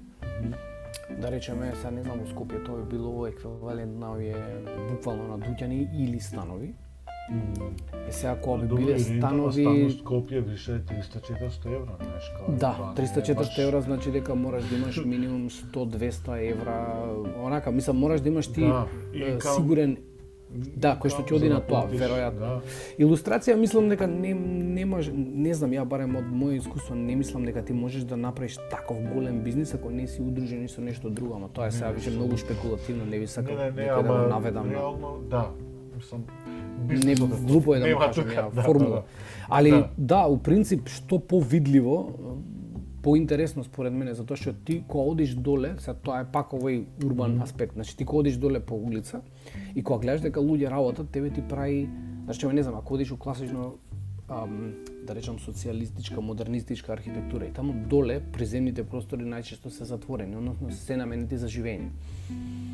И И ти као пешак кога пројдеш таму или на точок, ти сваќаш дека таму нема програма. Значи таму има многу луѓе, ама нема програма која што е полујавна, јавна или приватна, ама за тебе секако е затворена.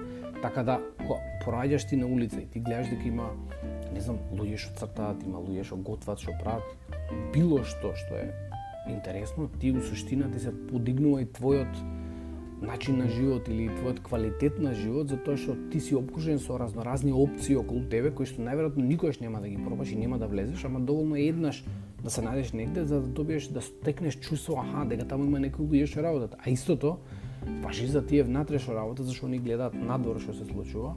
Знаеш, за разлика од некој затворено студио. Барем ја така го гледам, не знам. Тоа ми беше интересно, ама тоа не секогаш едноставно да се постигне. Поготово со новите цени во Берлин, чисто сомневам дека можеш ти има ги гледам дека има уште места што може да се да се да си ги приуштат, ама претпоставам ќе бидат се помал, се поготоа што цените на глобално Добро, ниво растат Берлин е бели. реално хајп цело време. Берлин никад не бил аут. Него цело време Да. у центарот на светот, цело време све се случува. Еве Сан Франциско стартапиве се селат по Берлин и по све, знаеш. Да, тоа ти ми кажа, ја, ја Да. не знаев дека баш така организирано се селат, па што гледаш дека идат зборев со луѓе што што се тука родени, на пример, они викаат дека никогаш дека секогаш имало нов прилив на луѓе со- поголем или помал интензитет и дека нив тој ми е вака ма сега се се поинаков а, а, како се вика прилив на луѓе има. Значи поинаков тип на луѓе сега И доаѓа. друг тип вајдена културна стратегија има, Да, не знам, да. као реално стварно бил епицентар бил Берлин од секојаш. Да, да, да, да. Не е дека е тоа нешто ново. Не, тоа нема збор, да. Да. Вау, многу е убаво, на пример, новите клинци Берлин идење им е као у Охридија, знаеш. Да, бизер. Као не им е, не им уопште недостижни или нешто. Што- супер е тоа да. што. Така поише ќе оценат таму од кај што Да, е па exactly, го- да. Го мистифицираш нешто, тоа после кога ќе доеш гледаш дека it's fine. Да, али тоа е тоа, знаеш, треба да треба да се имплементираат као ние порано кога идев во странство кој имплементиравме тука Да. и така да веројатно тоа е добар момент. Не знам, како како мислиш дека ќе биде Скопје од иднината или ќе тоа многу не занимава. Како мислиш дека ќе се да, да мислам Как, каква е твојата визија за Скопје од иднината? Не мора тоа да е проекција или не знам што, него како ти Па. мислиш дека Прво гледам сега, пошто почнува веројатно да се прави нешто врска со прво воздухот беше и просторот беа многу нарушени, така и се уште се. Ама гледам дека има некоја тенденција да тие се да баш тоа се многу спори промени и веројатно треба и голем континуитет во И треба време за во политичка да. смисла треба да има значи неколку влади наредни да се грижат за тоа да тоа постане како агенда сериозна, а не да биде тоа не знам една влада или една и пол влада и после тоа да, да престане. Да застане, да. Да застане да, пошто тоа на пример баш баш ми беше интересно кога се вратив. Е тоа ми се свиеше што ја да речеме го, ја го немав почувствено, тоа е кога беше еден концерт позади МКЦ. А, Еј, да, тоа беше многу убаво. Здраво. Тоа ми беше мене многу јако, да. зашто бев на простор кој што стварно фантастично изгледа. Бендовите беа супер и беше многу добро организирано. Јас си викав, па ова е, ова е фантастично. Тука беше МКЦ као патрон на просторов, некако не знам, под закрила и мене тоа ми беше многу добро и плюс многу ми се свија тој ревайвал на МКЦ последниве не знам 7, 8, 10 години, не знам више колку тоа години иде. Кај многу ми е многу ми е интересно ако идам затоа што објективно ги наоѓаш тие луѓе што ги знаеш, што ти значат, ги наоѓаш на едно место.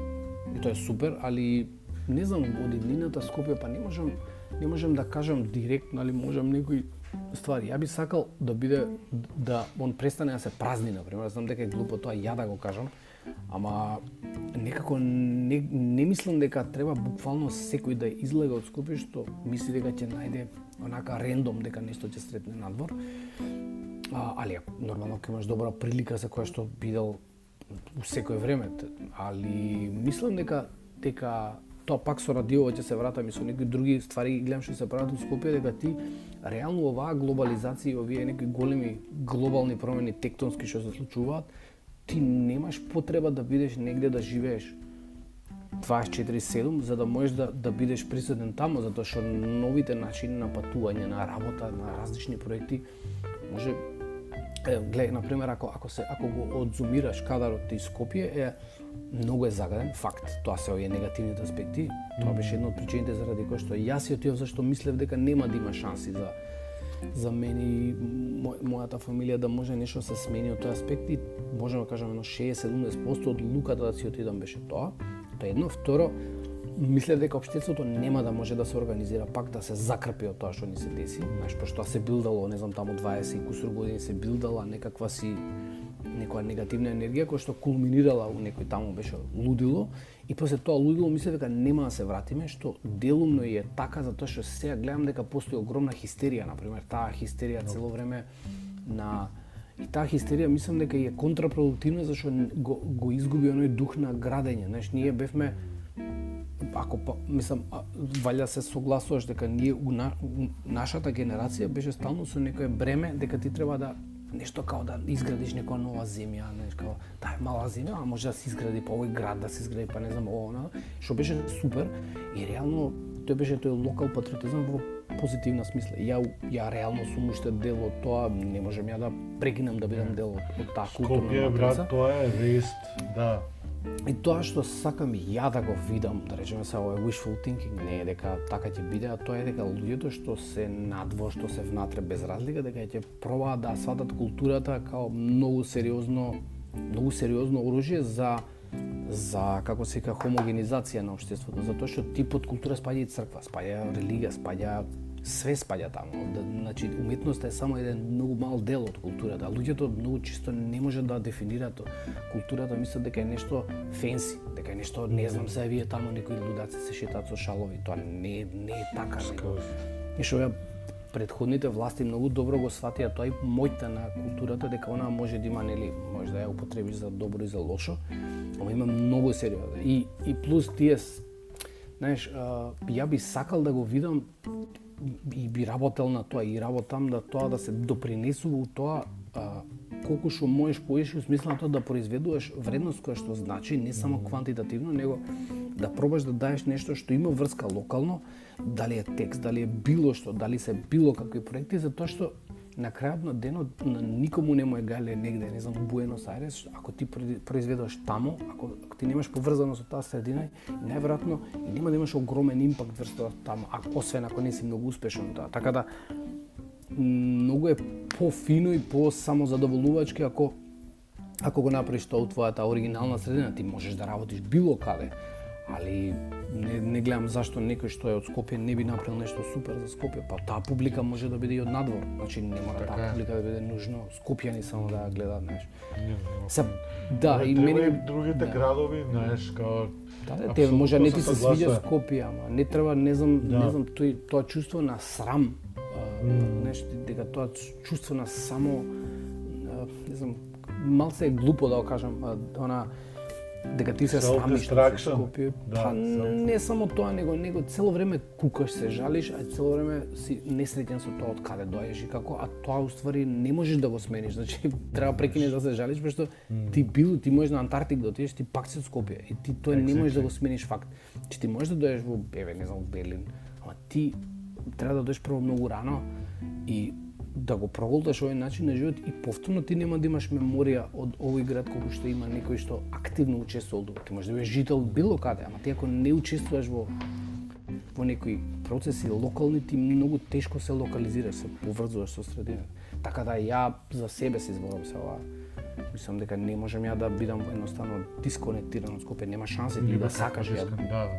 Баш Нема- нема теорија. интересно, и сори, што луѓе кои седат не. од Скопје, прават многу поише работи за Скопје него кога се тука. Да, да, И факти кај мене исто. таа да. емотивната поврзаност ми е многу јака и Да. и онака као многу ми е јако кога вака со луѓе што се странство правиме муавет и све. И Да. сакаш они колку се уште го живеат Скопје без разлика колку и да не се тука. Да, ја па така и го видов и радиово, знаеш, и така и ти пишав, пошто ја гледам и, и било кој, значи на било кој социјален медиум, јас сум дефинитивно дури алгоритамот сам ме става тама, нема бегање. Да, не да, дека да. ја не не живеам овдека и не кон, не контрибуирам, ама не е исто затоа што ти ја на 35 години сум отишол од Скопје, така да Да. без разлика ти после кај ќе живееш, ти си маркиран тука. Апсолутно. You are raised there. Да, Да. готово, нема мрдање. Уличарското, скопско, тоа е, е да, да. друг, друг фин, Да, и не ми е да. уопште криво за тоа, ја не, не мислам ни да се помрднам од тоа. Мене само многу ме нервира кога кога тој дел не, не мене не ме нервираше Скопје 2014 на почеток да се вратам за архитектурата, само тоа ми беше као бајпродукт. Мене ме нервираше тоа што мене ме тераше по висока инстанца да ја се срамам што сум од Скопје. Exactly. ја не се срамев што е грдо Скопје. Мене ми беше јеби га да. брат, грдо е, али дај еве правиме максимум што можеме и никогаш не ми било срам што сум од Скопје. Ја никад не не сум бил као се претерано заљубен у Скопје, ама не можам да се срамам од тоа што сум, не, што е као од сам себе да се срамиш. Што мене ми беше многу тешка ситуација, знаеш, трауматска, цело време да си у некоја дефанзива. Па не, ама знаеш кај нас нема тоа, па се добро и многу други градови немаат. Така гледај ги Така, Манчестер што произведуваат од таму. Скроз. Знаеш како тоа исто се враќам на моментот, абе Горан, тоа е све добро, ама знаеш, не може тоа кај нас. И као тоа е ништо што највише ме нервира цел живот. Кога и некој да не може, тера може се- друго.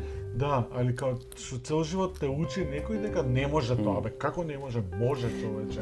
Па, Баш веројатно, наша одговорност, а ние сме живееле у нешто фино, имало нешто фино, одговорноста е наша ние да произведуваме нешто фино. Мислам дека да, мислам дека околу таа култура ние реално немаме немаме а, како се вика колективно немаме изговор затоа што не произведуваме ја под под колективно мислам на вид на платформа, дали е таа реално систематски креирана или е некоја платформа која што која што ќе работи спонтано, али дека треба да има некоја некоја мрежа на културно дејствување генерална на луѓе од било каде, од Марс, кои што ќе контрибуираат за Скопје, не мора да се од Скопје, меѓутоа мора да се врзат за таа мрежа. Дури регионална да е, не знам, пајма нема, Скопје и Солун, али мора да има креирање на култура што е локална, зашто ти пак допринесуваш на глобалното. Ти пак можеш да идеш со тој продукт во Њујорк, ама не знам Така зашто не би постоело нешто што поготово сега кај што ти произведеш контент, значи огромни фирми работат онлайн сега, така, Да. со дома вработа, Абе, јас, сум- ја работам за странство, мислам, знаеш, Да, да, јас долго не е да, недостижно ништо тоа, така да, Да, се сите да. ние така работиме, а најнаш кој ќе дојде до овакво до до стварање на таа додатна вредност, тогаш имаш ти проблем, ти бараш патрон, бараш некој што ќе што ќе те што ќе те врати тама. Реално тоа е делумно е така, ама мислам дека делумно дека треба да загазиш и да произведуваш некаков нешто што е meaningful, дека на крај крајава тоа ти е работа, ако ти си се одредил да работиш во таква струка, Ти можеш да сватиш као за нечие и да чекаш кој ќе влезе некој да, да му направи шешер, да му направи шешер, ама ти мораш да направиш шешери која која нема никој муштерија, пошто што ќе ставиш у излог. Значи, така гледам. Ти мора текст да произведеш, на пример, за нешто што те боли, па да не да ти го изругаат текстот, па знаеш да ти направат Да, шейминг или да ти речат браво. Ама не можеш да седиш да чекаш и пошто имаше еден, еден тип на исто така многу што ме нервираше голем дел од моите другари го прават тоа и сега се надам нема да се замерам, ама тоа е дека чекаш да да системот те поддржи. Мислам тоа исто ми е малце пошто системот ја не гледам како не поддржува. Ја објективно знам дека системот е спори, глуп и несовршен, ама ја не мислам дека системот у Скопје или у Македонија е толку инертен ако ти ти имаш реално продукт што го сватил контекстот, пошто многу често кон знаеш проектите што ги предложуваме ние да бидат финансирани биле неприлагодени на на локалниот контекст он многу да. често не наидувал на разбирање. Иначе ти ако го ако ако акомодираш, ти можеш да направиш. Ти има милион такви примери, ама знаеш, луѓето негативно ги поврзуваат со нешто. Тотално друго. Така да не знам што да заклучам за еднината на Скопје, гледам поише као промена на индивидуално ниво, у смисла на тоа дека треба да си даеш шанса да да да пораснеш од внатре за некои ствари, знаеш, на let it go да направиш на некои на некои ствари за кои што се држал као као накад сврсто као со лисици за радиатор. И да кажеш, слушај, абе батали ова, дај да пробаме. Па Па пак така можеш да се вратиш, мислам, не едеме сега ти готово. Нормално. Дали, мислам дека стварно на луѓето малце им треба храброст поише за да почнат да прават ствари. Да, да, прај го, па ќе видиме. Па ќе видиме, да, многу беше интересно кога почнав да го снимам подкастов. И онакви луѓе што се иселени ми пишуваат, што се труди, шта му нема ништо да се смени. Нема која те слуша, така. И знаеш како толку ми беше депримирачко, пошто ме враќа на еден момент кај што цел живот некој ме брка да си идам од ова. Да. Цел живот Да, да. некој ми вика брат, ти тоа што го правиш не можеш никад тука да го направиш. И се знаеш однакви е, туги грешки што ги проектираат врз тебе, ја викам брат, ја работам Викам тоа што го правам, го правам без за нас, за ние што сме останале некаде, значи ти као сега си у Америка, дај да збориме за твојот живот таму. Као дај да, Да, збориме да. за финиве ствари. Значи имаме Да, да, да. фини фини другари, другари Мм, што мм. низ светот кај што све. Да, да, да, да. И знаеш, многу ми беше тоа депримирачки брат, као ти викаш што се трудиш, зашо на македонски го снимаш. Многу ми беше даунпер тоа, као ти у моментов ти се дешава пандемија и као не гледаш ни луѓе ни све, као дај да да се видиме ние да си направиме муабет и као Да, да. никој тоа схрабрува, така да да, мораме да излеземе и од тој даун момент, дека мора да сватиме дека треба да се работи за било што. Така да, е, многу добра визија за Скопје од нината, фала ти што сподели. Да, Да. па мислам дека така, да, као Да, скроз. Мрежа на поединци, никој ќе Мм. налетат на некој спинер као некој креатор на нешто екстра и оно после не знаеш кај може да затрна, непредвидливо е. Само ти мора тие точките прва да се направат Да за да ги се поврзат. Така е. Значи, да. ама ти мора секој својата домашна у својата точка да направи, после тие не така ја бар мислам или се Да, надевам, да, да. може тотално Па нема ние везе. сме ама- реално растени у некоја таква култура и Да. И дека треба да бидат многу пополитични тие што го прават Да. тоа, они тоа нели ја и ти го зборевме вчера, дека мојата pouка е, ба, ја го гледам као голем минус на мојата генерација е тоа дека ние по инерција на нашите родители не бевме доволно исполитизирани као деца, него ние дури намерно правевме све само за да не бидеме политизирани, барем поголемиот дел од Да, нас кои што не биле класично политички активни, М. ама после сватевме дека ни се врати по глава тоа јако. да. Пошто не разбиравме што правиме. Да.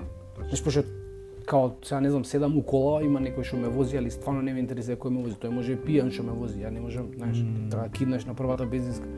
Али али знаеш, и после сватив дека дека е глобален проблем. Те тоа е многу битно кога ќе живееш надвор, тоа е единственото нешто што можеме да го препорачаме да луѓето може да направат себе рефлексија, мораат малце да искочат од тоа.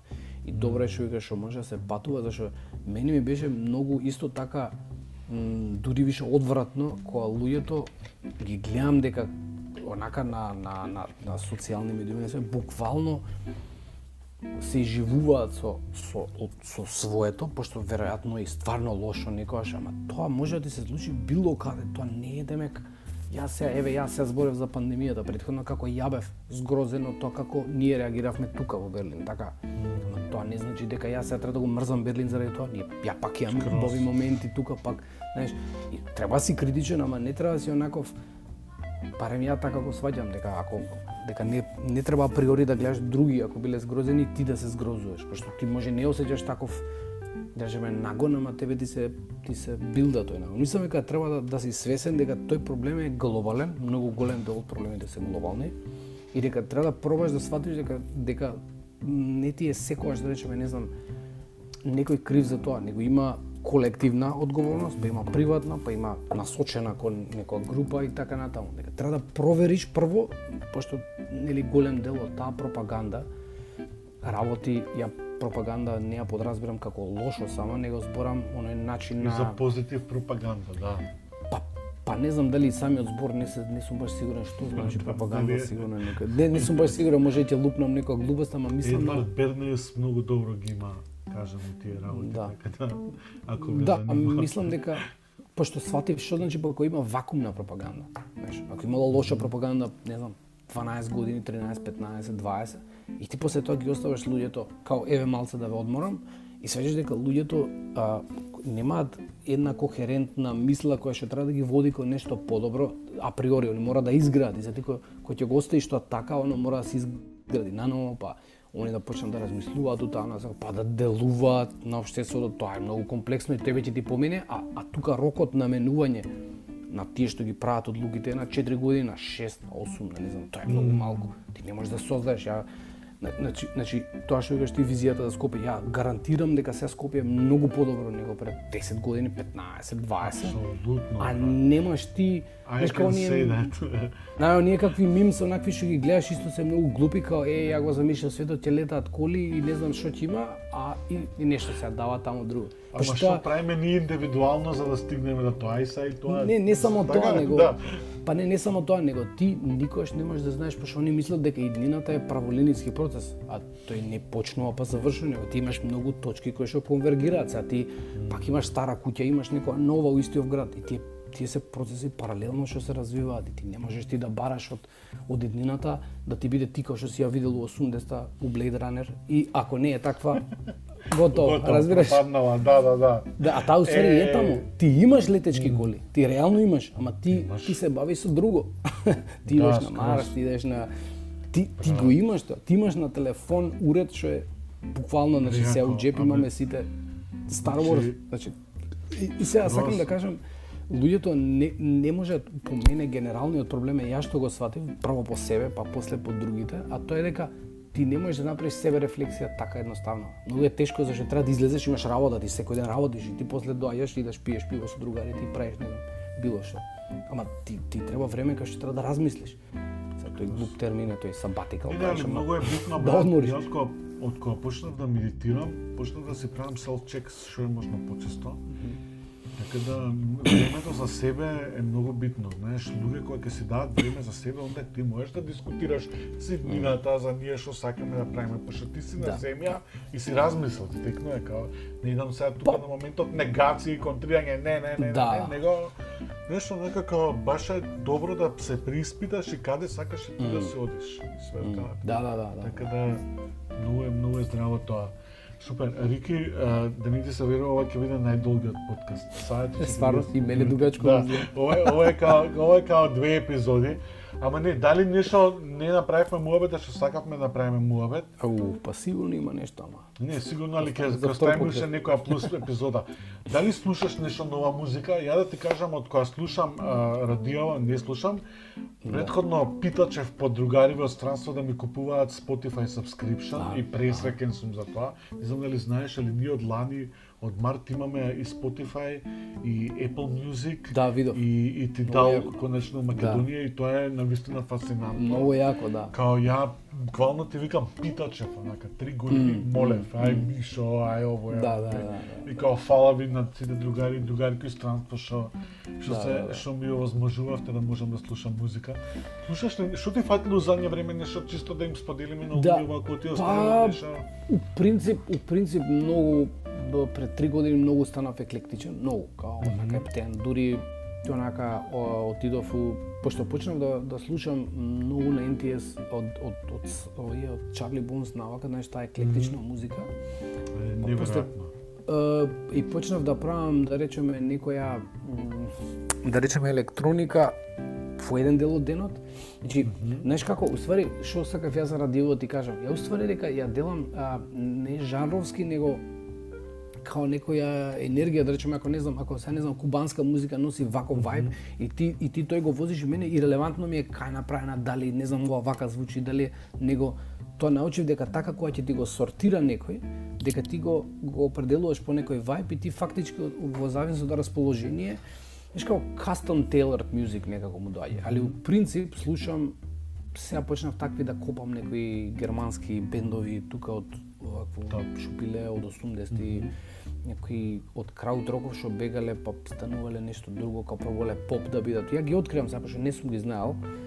Значи такви некои почнав да слушам, што претходно само сум ги чепнал, не сум ги слушал, али некако целата да речеме естетика на звук ми е сменета и некако тоа ми е окей, знаеш, слушам слушам стари ствари многу, а слу- слушам и слушам и ако слушам ново слушам електроника, што некако не можам новите бендови ми се, значи ме имам пар супер бендови, еве и на пример Рипи Сис од Скопје ми се супер, они тако вајб Да, имаат. се Брато, нека ме возат на сурфање, не знам зашо цело време Да. кога до нека сурферски ми се прекрасно. Сурф рок, да. И е, е тоа, на пример, такви интересни некои проекти, пошто сватив дека по некое време ти бараш и некој приказ на тоа, знаеш. И не секогаш можеш као порано слушнеш и на прв импулс почнеш да слушаш нешто, нели? А сега бараш нешто по По така друго, да. Па не, и ми се свијаат ком, колекции. Знаеш, стално сум сакал онакви филмови што се од шест дела направени, знаеш, као Топ. како такви, како бандл.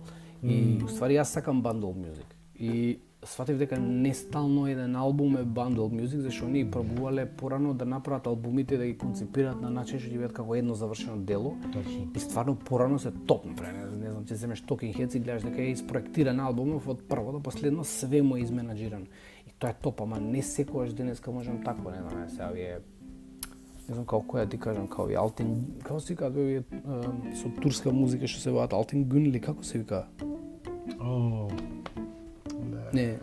Као Круан Бин, на пример, тоа е смешно дека алгоритмот Круан Бин ти ги дава и после идеш на, на такви слични вакво.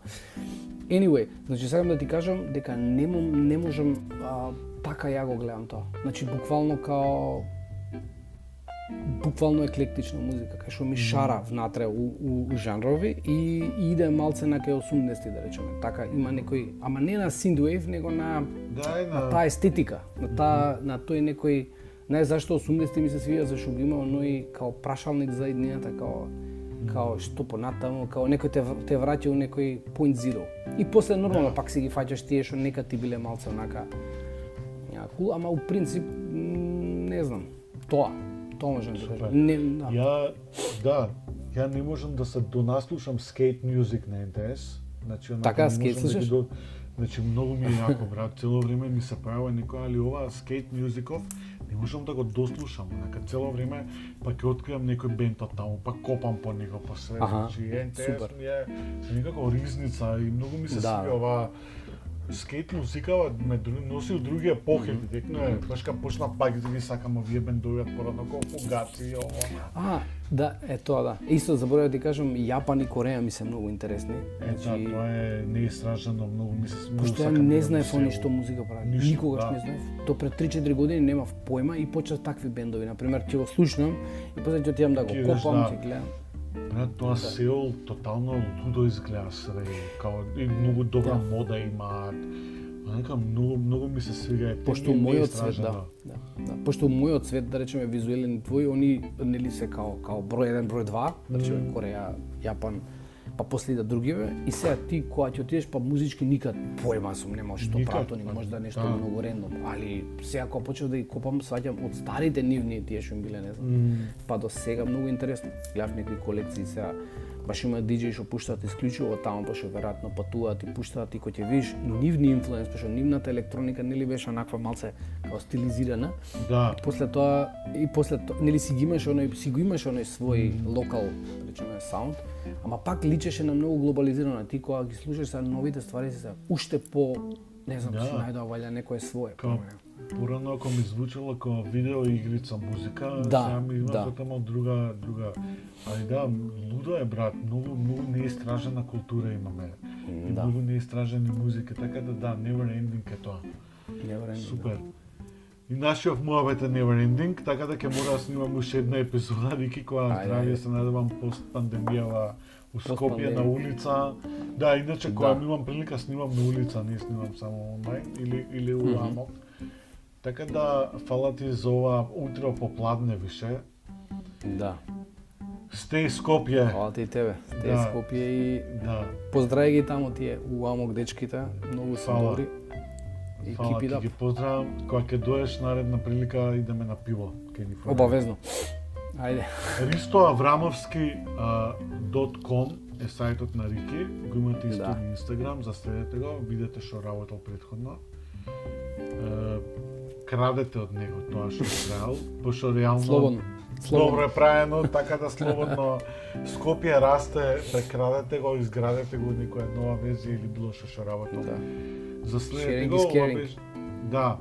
Ова беше 32-та епизода на Celebrate Life подкастот. А, февруарија, уште малку сме до пронет, ќе почнат да цветат дрвја. Ве молам бидете одговорни да не заглавиме уште три години пандемија. Колку и да звучи клише, али дај носете маски, не се собирајте и се Да. останато, ве молам. Луѓе, Стиснете зуби. стиснете зуби, дајте да излеземе од лајново, пошто пошто не е добро. Рики, фала ти многу. Поздрав. Фала ти на тебе. Денеска е скопско сиво, баш е Берлин weather. Да. скопско. No color. No Да. color. Да, гледам. Да. Супер. Фала ти многу за споделената енергија, се слушаме и се